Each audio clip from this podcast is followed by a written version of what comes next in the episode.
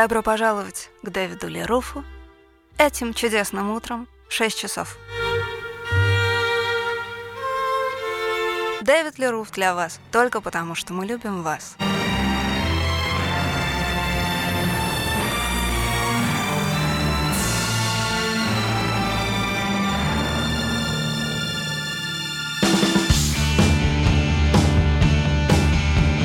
atención, por favor. David Lee Roth. David Lee Roth. Your attention, please. Welcome to Club Dave, where it only rains when we say so.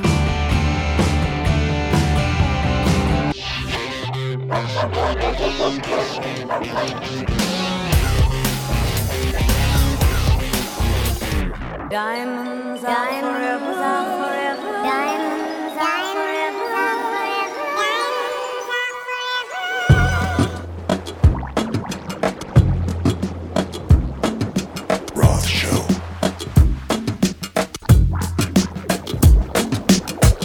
I'm your knight in shining pickup truck. The city towed my other apartment. Isn't that the best bumper sticker you ever heard?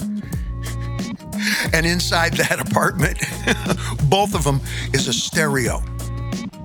When the streets are packed with heroes on a last chance power slide and you've gone out to case the promised land, you're gonna need a soundtrack for it. Think about real radio. That's what I call it. Terrestrial sounds a little bit like Swiss Family Robinson or Space Family Robinson.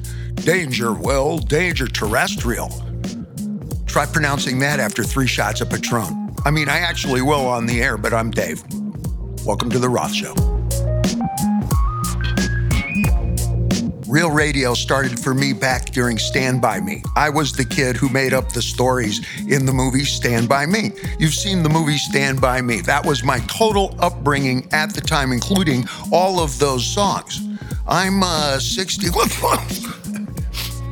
Tom, give me another Chesterfield. And don't bring me another one of those vape sticks. Now you know I'm exactly how old I am and how old I think I should be. And just as they sang all of the songs, the DJs at the time were every bit as important. When my mom was just out of high school, she was in high school in Huntsville, Alabama in 1944. Uncle Manny was flying uh, B 17 missions over Germany. Curiously enough, sidebar, cities that I later toured with Van Halen wonderfully successfully, amazing audiences. And these were cities that Uncle Manny actually applied military firepower to Essen, Offenbach, Dortmund, Berlin. Uh, Jesus, it was a long list. He did 25 missions over the same cities that later turned into amazing rock and roll. And one of the things that I remember from my first tours, in fact, there's a full circle of logic to this, is the sound of the radio in Europe the first time we toured in Europe. It was sensational because you would hear, uh, for example, in J- Japanese, uh, Pepto Bismol, and everybody in the room would laugh, or you'd laugh on the tour bus. And if you were in Germany, I, I have a terrible imitation of it. Coca Cola, and everything was super compressed. And compression means everything that's far away is actually very close. We use a lot of compression here. James Brown used a lot of compression. Led Zeppelin uses a lot of compression. And you know who used a lot of compression that had absolutely total symmetric benefit for me? Let's pop the hood on the Roth truck. I'm your knight in shining pickup truck. The city towed my other apartment. Let's see what's under the hood. Hey, isn't that supposed to be a blower like that 1970 Dodge uh, Charger in Fast and Furious? No, that's Dewey Phillips. Whoa, a boogie, that boy Pan Red. Start off red, hot, and blue. Don't forget, good you can't buy a better beer and good old CV beer. When you go to the baseball game, you know it just ain't no baseball game unless you got a good old cold bottle of CV in your hand or maybe a case on the left side. Now, that CV beer is flat good. I'm telling you, when you go to your favorite tavern or just any old joint, always order CV, champagne velvet, the beer, or the million dollar flavor. Don't forget, when you sit around home playing canasca, or I could say something else, listen to red, hot, and blue, always have CV. Just go back to the Frigidaire, and if the old lady's got a crammed full of ham and eggs and all that, just pull them out, lay them on the floor, and put that CV in there and get it cold, and always serve your friends CV, CV, the beer with that new 1952 taste. You ought to taste that taste. The beer that is lighter and bonnet better and drier. So don't forget to get CV. I always say CV for me and CV for Phillips. That's a good deal. Now right down. Now wait a minute, Phillips. You got the wrongest request here. You flat messing up here. I got a morphine shot in and I can't see very good here. How is the quality of the TV? Oh, it's beautiful, Mike. It really is.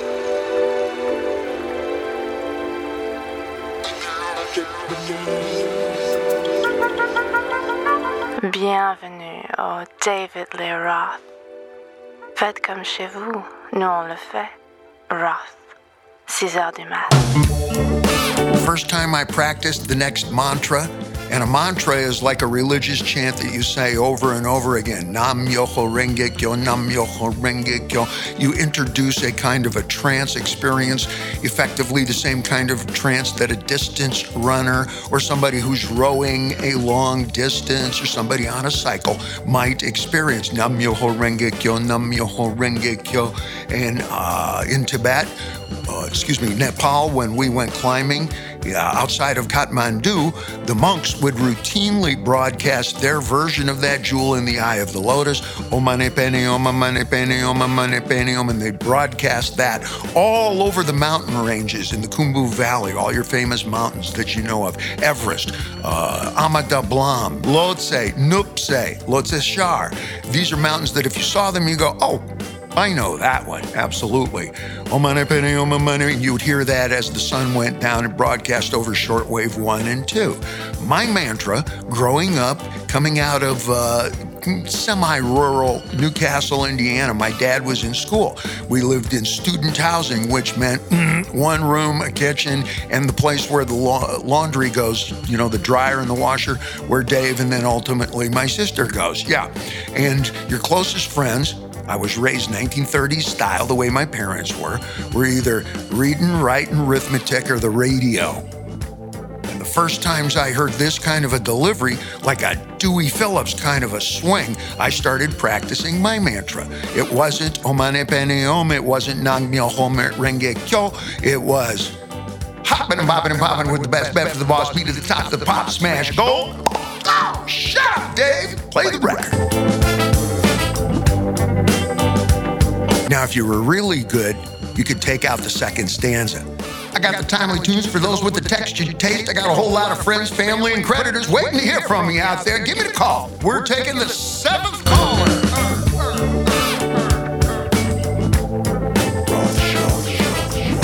All 10 to 12 year olds practiced the DJ as frequently as we practiced the artist.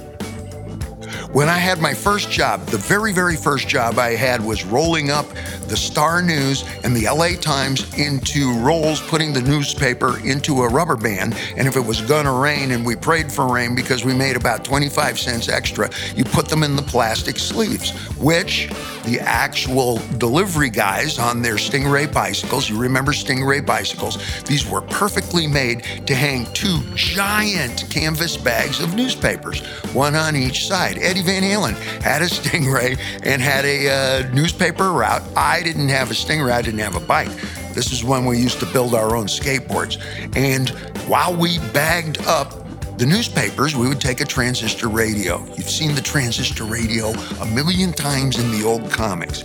You hold it up to your ear, a lot like a fucking smartphone.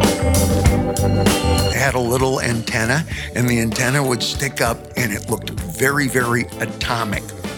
Remember, atomic, Sputnik. Anytime you had the word Nick, it meant something that was vaguely Russian, which meant the bad guys. Okay, bro, Nick? Peace Nicks, you've heard it applied many, many times, okay? And if you had a space age kind of a thing with an antenna, immediately you were identified with something called Sputnik, and we didn't know really what, what a satellite was. This was in the time of bomb shelters. I had plenty of friends who had uh, families with bomb shelters in Altadena and Pasadena, California now. We've moved up into about fourth, fifth grade, and if you had a little plastic ear uh, motor, a little ear shoulder motor, sometimes we called it. And you would hold it up to your ear and you would walk and talk and sing with it, and especially in the crosswalks in front of the adults who were waiting for you to cross because it would piss them off. Today, we don't actually hold it up to our ear as we're crossing the crosswalk. We read it, and it allows you to move even more slowly. We were taking the last train to Clarksville. I was a believer. I was a solitary man. The Dave Clark Five told us, any way you want it.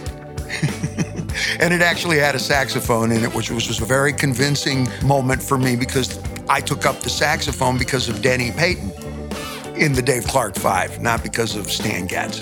Do, do, do, do, do, do, do. That's for after saxophone practice. Do, do, do, do, do. The McCoys. My baby, she's made out of love. Like one of those bunnies from the Playboy Club. And you tried to get as low as you could in the Playboy Club. And we were like 12 years old in uh, horizontally striped t shirts. It was just like Stand By Me. Go watch the movie, you know David Lee.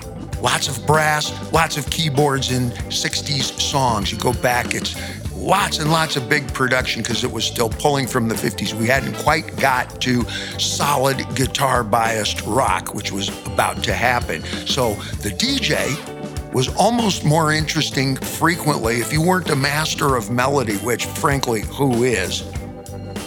You imitated the disc jockey.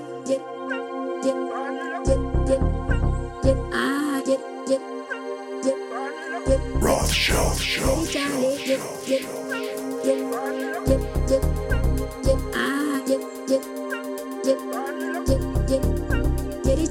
If you've ever seen American Graffiti, the disc jockey in the back is more than a DJ. These fellas are personalities, the development of an actual person.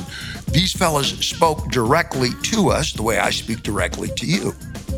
Later on in time, it was an observed conversation. For example, uh, Howard Stern has a conversation with Robin, and he has an entire neighborhood of individuals that he confers with. And pretty much the only time he'll talk directly to us is during an ad or when he says, okay, call me or something specific. But you feel like you're listening to somebody else's conversation.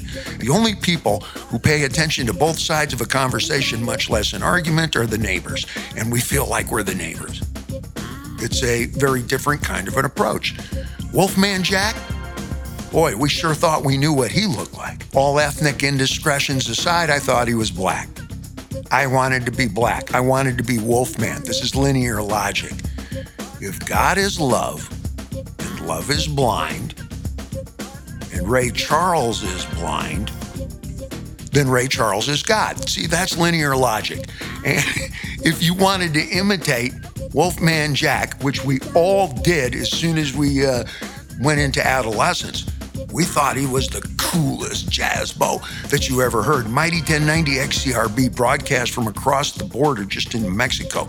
So it was quasi legal, and you could hear Mighty 1090 broadcasting all the way up into Bend, Oregon, where I was in the middle of the night in the bunkhouse. We would cluster around. It was 1966. I was uh, 12 years old, and we would cluster around a tiny little transistor radio, like I described, endlessly trying to readjust the antenna, which we fixed with a wire that went up to an antenna on the roof of the buck house. And you would listen. I, I'll try and imitate him. Bye bye. Let's go for the.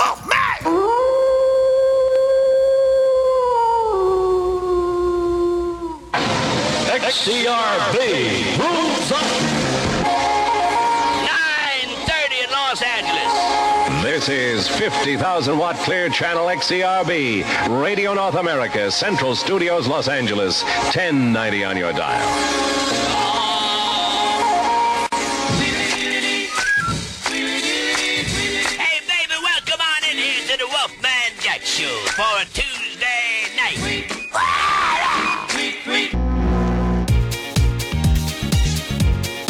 Добро пожаловать к Дэвид Ли Рофф. Будьте готовы быть испачканным грязью, быть пристыженным и устыдиться того, что вы еще живы. Man, were we shocked when we finally saw who he was.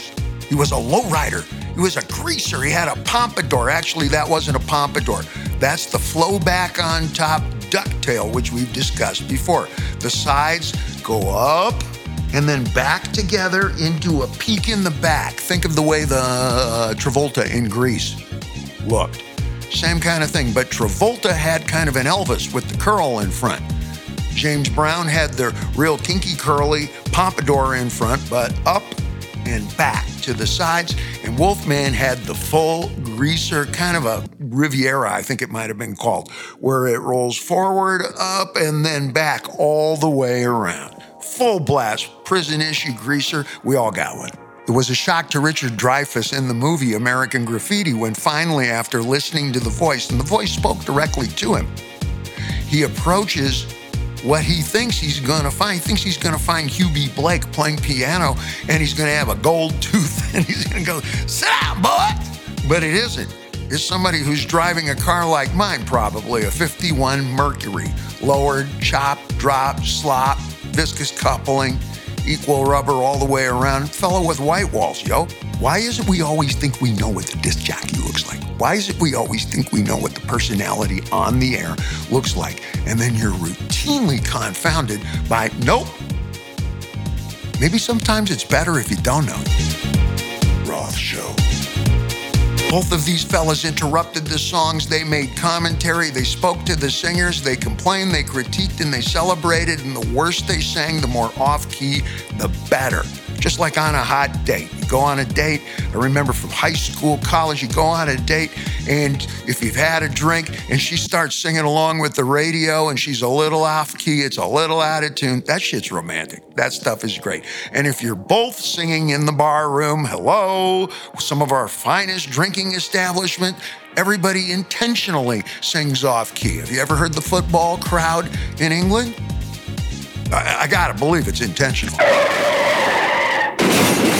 umelinganisha moja kwa moja kwa David Lee Roth, moto kidogo na sanamu za kushangaa.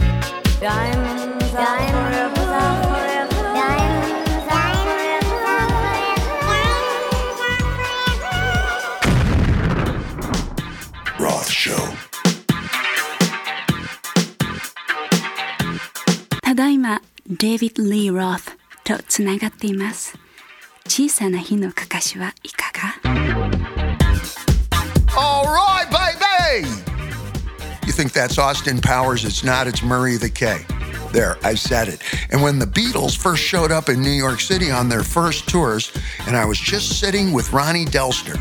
Ronnie is a promoter who goes all the way back to the Beatles at Forest Hills. He promoted the Beatles at Forest Hills. We had a very, very long talk about his first contact on who the Beatles were when they first landed in New York City.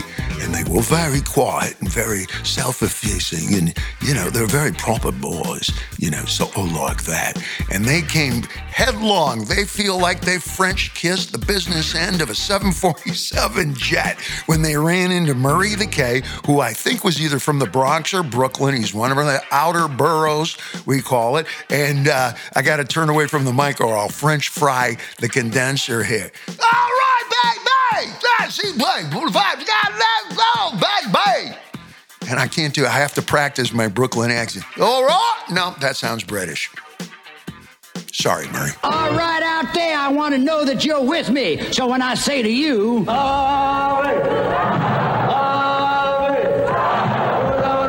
this is Murray the K on the swinging soiree with a blast from the past. A big goldie for you. Right, we got the gold for you, baby. And of course, I even speak to Ringo. Ringo loves the gold. I was even asking him about a fella by the name of Frankie Lymon. I said to Ringo, Frankie Lymon, you did over there. Oh, we had the. Yeah, well, he was about the start of that cold jazz. Yeah, with the the bass, boom, boom, boom, you know, all that.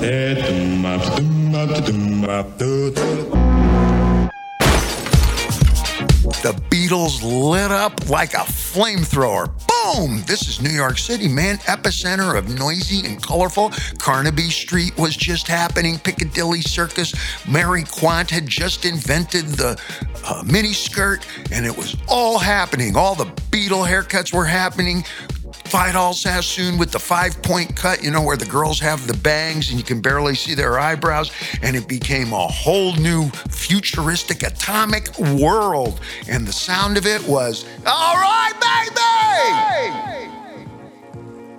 New York City was doo wop. New York City was urban and soul and funky, man. Remember, Motown even though it was available everywhere, was not on the airwaves. Come on, guys. It wasn't until Michael Jackson started squealing, oh, that they began to really filter in African American, black, urban, soulful everything into the world of the Grammys, the Oscars, you name it.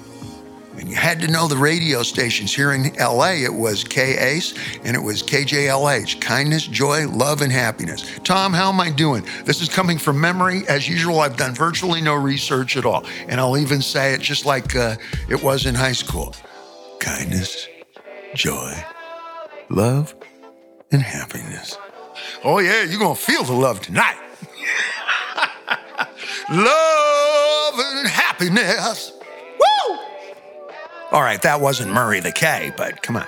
Los Angeles 98 KHJ, the jingle win 98 KHJ, or maybe it was 96. Hey, my memory's good, it's just getting a little shorter, okay? I see the look. Du hører på David Lee Roth. Roth Radio på begynnelsen av morgenen. Sjokkerende stødig. Omówiono najważniejsze sprawy związane z dalszym rozwojem województwa i kraju. You can hear that throughout the soundtrack of Once Upon a Time in Hollywood Tarantino's last epic. Everything you hear there, particularly The Doors, Paul Revere and the Raiders, it's a very, very long list. And that was kind of Boss Jock Wrecking Crew. Boss Jock Wrecking Crew. What a great name, huh? That was just the morning show. Woo! That's how I feel till happy hour, man. New York City had a little funk, a little soul. They were funking for Jamaica over there. Ultimately, they were the first in for the floor show. Yo, stereo, KTU 92, Paco, Shadow Traffic. But that was 1978. We'll talk about that in a second. AM radio absolutely ruled the waves, and I don't think there was another kind of radio. FM actually existed like since the 1920s, but nobody used that band. Most of the radios that we had, especially those little transistor radios, were purely AM radio. And it has a different kind of sound. Think 1010 WINS in New York City. Somebody asked me once, what's the sound of New York City? Is it the subway? Is it the airport? It's the sound of 1010 WINS News Radio, that with the uh, ticker tape in the background. Do they still use ticker tape? AM radio was designed to hype. It was designed to sell. It was commercially biased and it was screaming, noisy, colorful. Everybody had a job. America was on the go. The middle class was exploding. There's a whole generation of folks like my dad who came out of really rural backgrounds in the Midwest, moved his family to the West Coast, started his medical practice, and all of the music was kind of nightclub. There's a lot of brass, a lot of boom, and these boots were made for walking. In 1966, the government decreed that because of the Cold War and a potential bombing or whatever the Reds were going to do to us, that there had to be an emergency band on every radio that was kept alive but could not duplicate the AM radio company that owned it. For example, Metro Media, I believe that's Metro Media here in Los Angeles, owned a number of like KSJ and these sort of uh, screaming boss jock Wrecking Crew morning show zoo lively, lively sounds. And when they had to start an FM radio band of their own, they weren't allowed to duplicate that playlist because it would give them an unfair commercial advantage. The game changer of game changers in terms of its stipulations, though, was you couldn't use the same commercials that you were using on your AM radio programming. It would give you an unfair advantage. FM radio started off commercial free. Nobody thought FM radio with all that hippie rock and roll and Crosby, Stills, and Nash and Young, and I think there's three other guys, and uh, Jimi Hendrix, and oh my, who's to want to? Youth culture was just getting started. A lot of the suits couldn't see it coming, so hey, I have a nephew. I got a niece. I got a bro. They play records. Let them play records. Give the kid minimum wage, which at the time was about $3. And let them keep the FM radio busy. The government's happy, and we'll see on AM radio from that point on. And every AM channel had to operate suddenly, within a matter of months, an FM band. The first of those stations was here in Pasadena, California. And Pasadena has a very, very, very long cultural history. You've heard me talk about it before. KPPC was in the basement of the Unitarian Church over on Colorado. It's right across from where the United Artists Theater was, and this was called Old Town.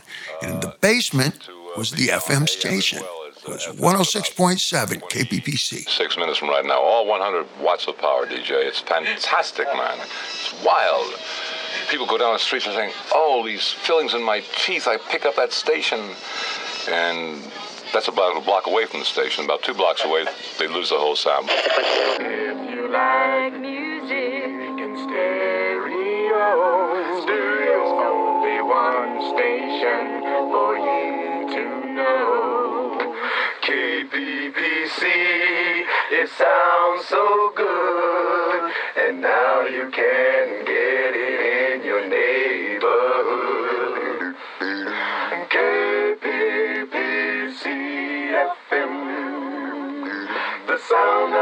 stereo.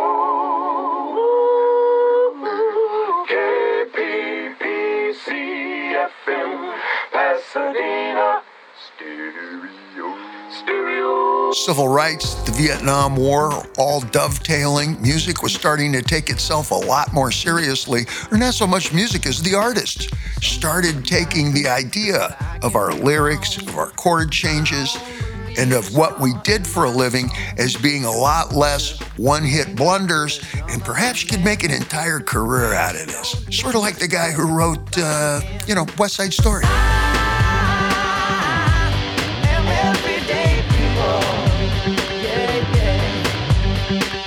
Songs got longer, lyrics became culturally significant or entirely indecipherable, which in itself was a kind of a message. And even the disc jockeys started talking like this.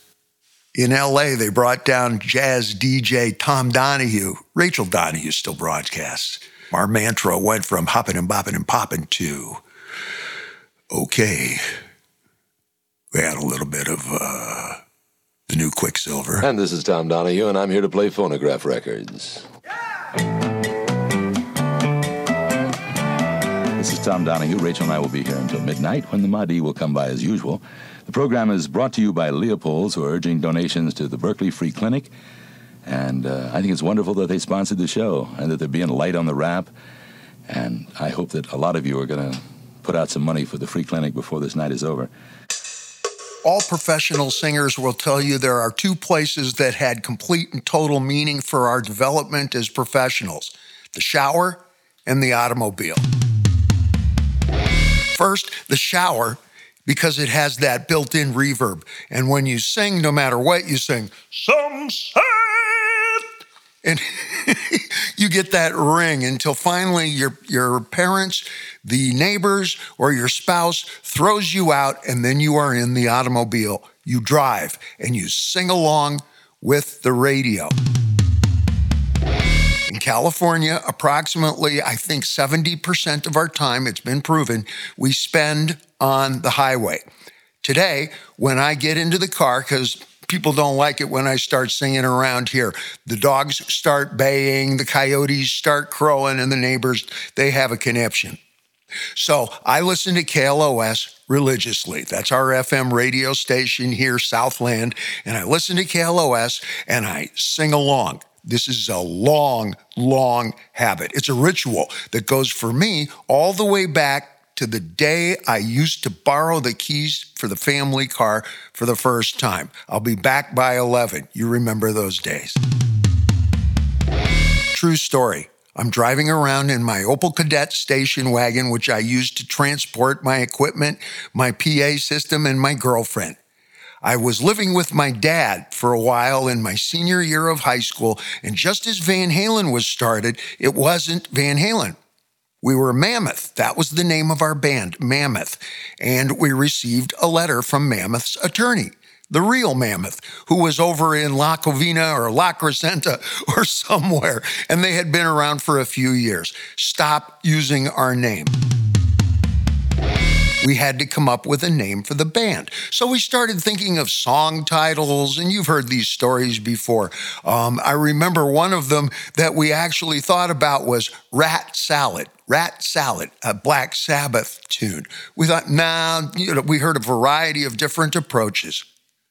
I'm driving around in my Opel Kadett station wagon, and there's a very, very, very famous restaurant slash bakery that still exists. It was a giant windmill and traveling from my dad's place up to Colorado Boulevard and across Colorado to Allen, which got me to the Van Halen's house or the little rehearsal garage we were using up on Maiden Lane, I had to pass a place called Van de Kamp's. Do I got to finish this? Roth Show.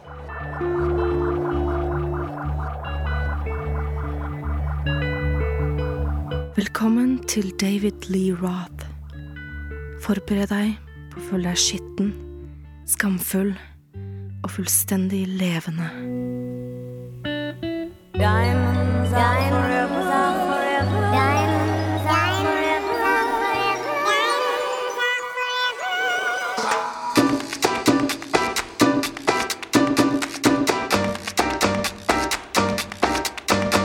Siete sintonizzati direttamente con David Lee Roth.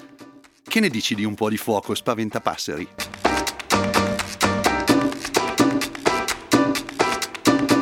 We couldn't come to an agreement with anybody as to what song to release first because the Van Halen audience is really colorful, really noisy. It's all inclusive. So the difference between Jamie's crying and running with the devil, and you really got me, and we always did cover tunes because all of our favorite guys did cover tunes. I don't care if it was Elvis, Sinatra, the Beatles.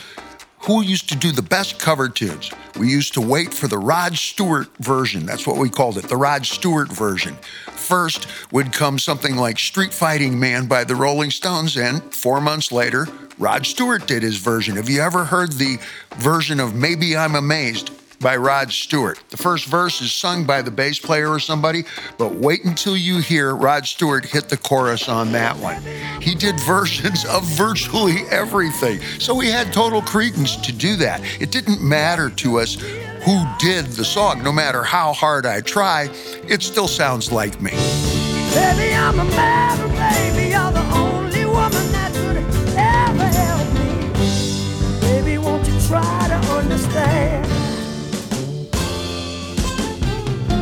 Van Halen is a combination of hundreds of other people's songs. Literally, I think we had 200 songs, both sides of the printed page. K-Tel presents Blockbuster, a great new LP, 20 original hits, original stars, KC and the Sunshine Band. Silver Convention.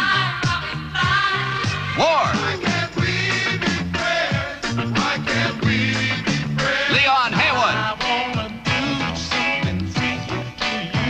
White Band. Alice Cooper, Edgar Winter Group, Sammy Johns, David Logan, Gladys Knight, Frankie Valli, and many more. When we finished our last club gig before going into the studio, we put together the record. It took maybe two weeks to really record the entire record. And that's just because of professional mistakes. Like, for example, I showed up to sing Jamie's Crying. This is a pretty well known story. And uh, Ted hits the button and goes, uh, Dave, Dave, doesn't sound like you. Did you change anything? Did you fix it? Your voice, your attitude? What's cooking? And I, uh, he says, sounds pretty good though. He's lying to me because he wants me to tell the truth. And I says, yeah, Ted, I changed everything. He says, what do you mean? I says, I fixed what I eat. I got plenty of sleep. I didn't smoke. And uh, Jesus, I feel like a million dollars.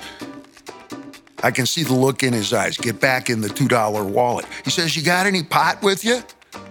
Yeah, I got a joint, but that's for after the show. He says, Go out and smoke it now. And he meant it. I go outside and I sit in the little courtyard where there's the basketball hoop of Sunset Sound.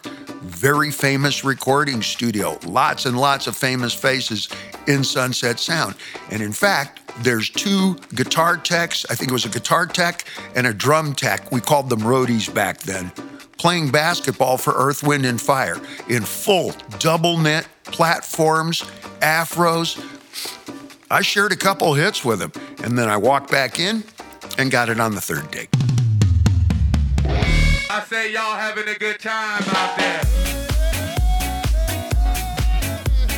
My first official conflict with the record company.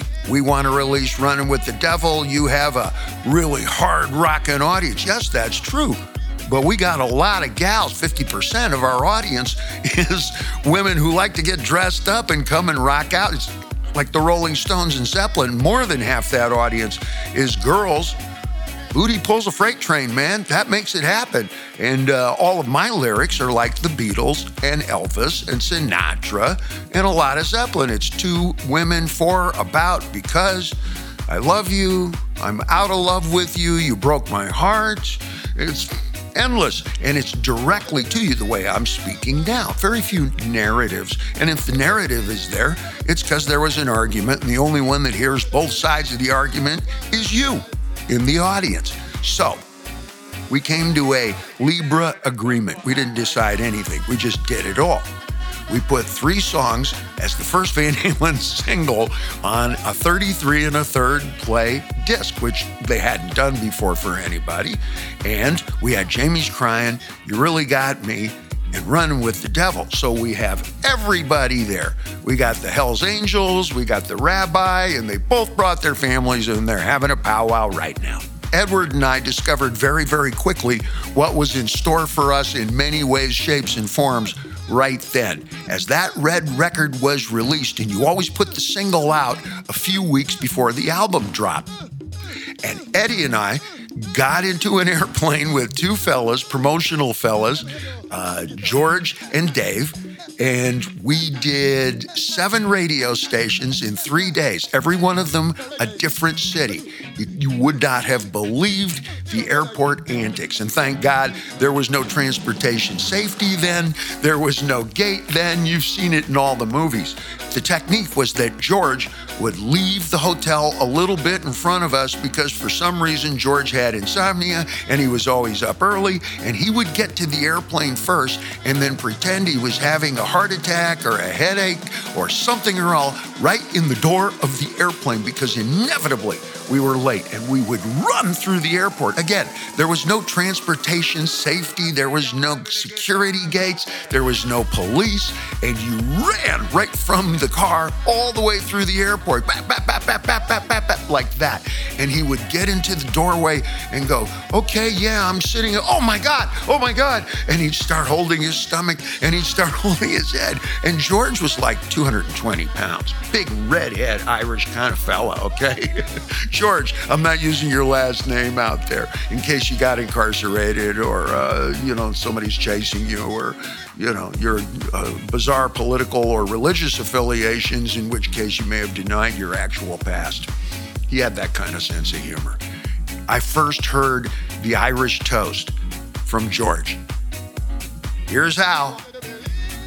And I added the Jewish version. And here's when. I say y'all having a good time out there. Roth Show. You are tuned directly to David Lee Roth. How about a little fire, Scarecrow? Sie haben sich direkt zu David Lee Roth dazugeschaltet. Wie wäre es mit etwas Feuer, Vogelscheuche?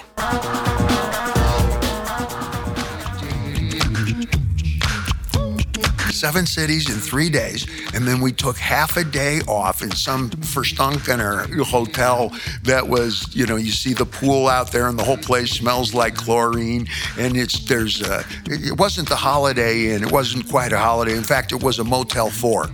Well, actually, it was a Three Seasons. We took half a day off. By the way, Tom, do you know what La Quinta means? You've been in that hotel before, right? You've seen the La Quinta Lodge. It's all over the United States. La Quinta is Apache for behind Denny's. Here's how.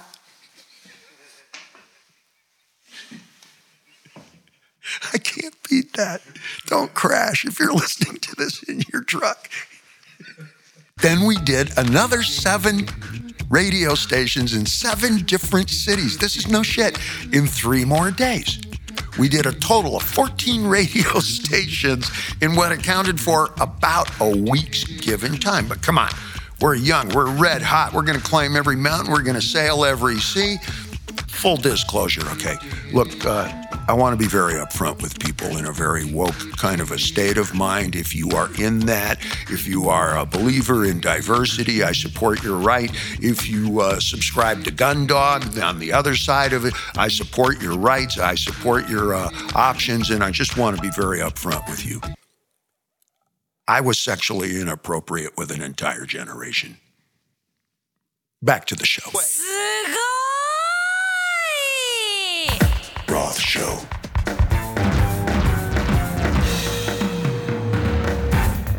David Lee Roth, High Speed Radio. David Lee Roth, radio ad alta velocità. We had lobster in Boston. We had ribs in Kansas City, steak in Dallas, and something called Ghirardelli in San Francisco. Every city, we would go out to dinner. We would do lunch. We would sit with the record people from the record company, and we would sit with the radio people, and we would meet the promotion folks. And we went, we visited where they boxed and shipped cassette tapes. And this was cassette tape territory then. The idea of CDs or uh, internet or anything was in the distant future. We suspected, but little did we know. This was going to set the time and the tempo and the pace for what we were going to experience once we took our little rock band out of Pasadena and out on the road. Not unusual for Van Halen to play four nights in a row. That's four different cities in a row. How many hours till Memphis, Tim? 10 hours, Dave. It was almost like a mantra.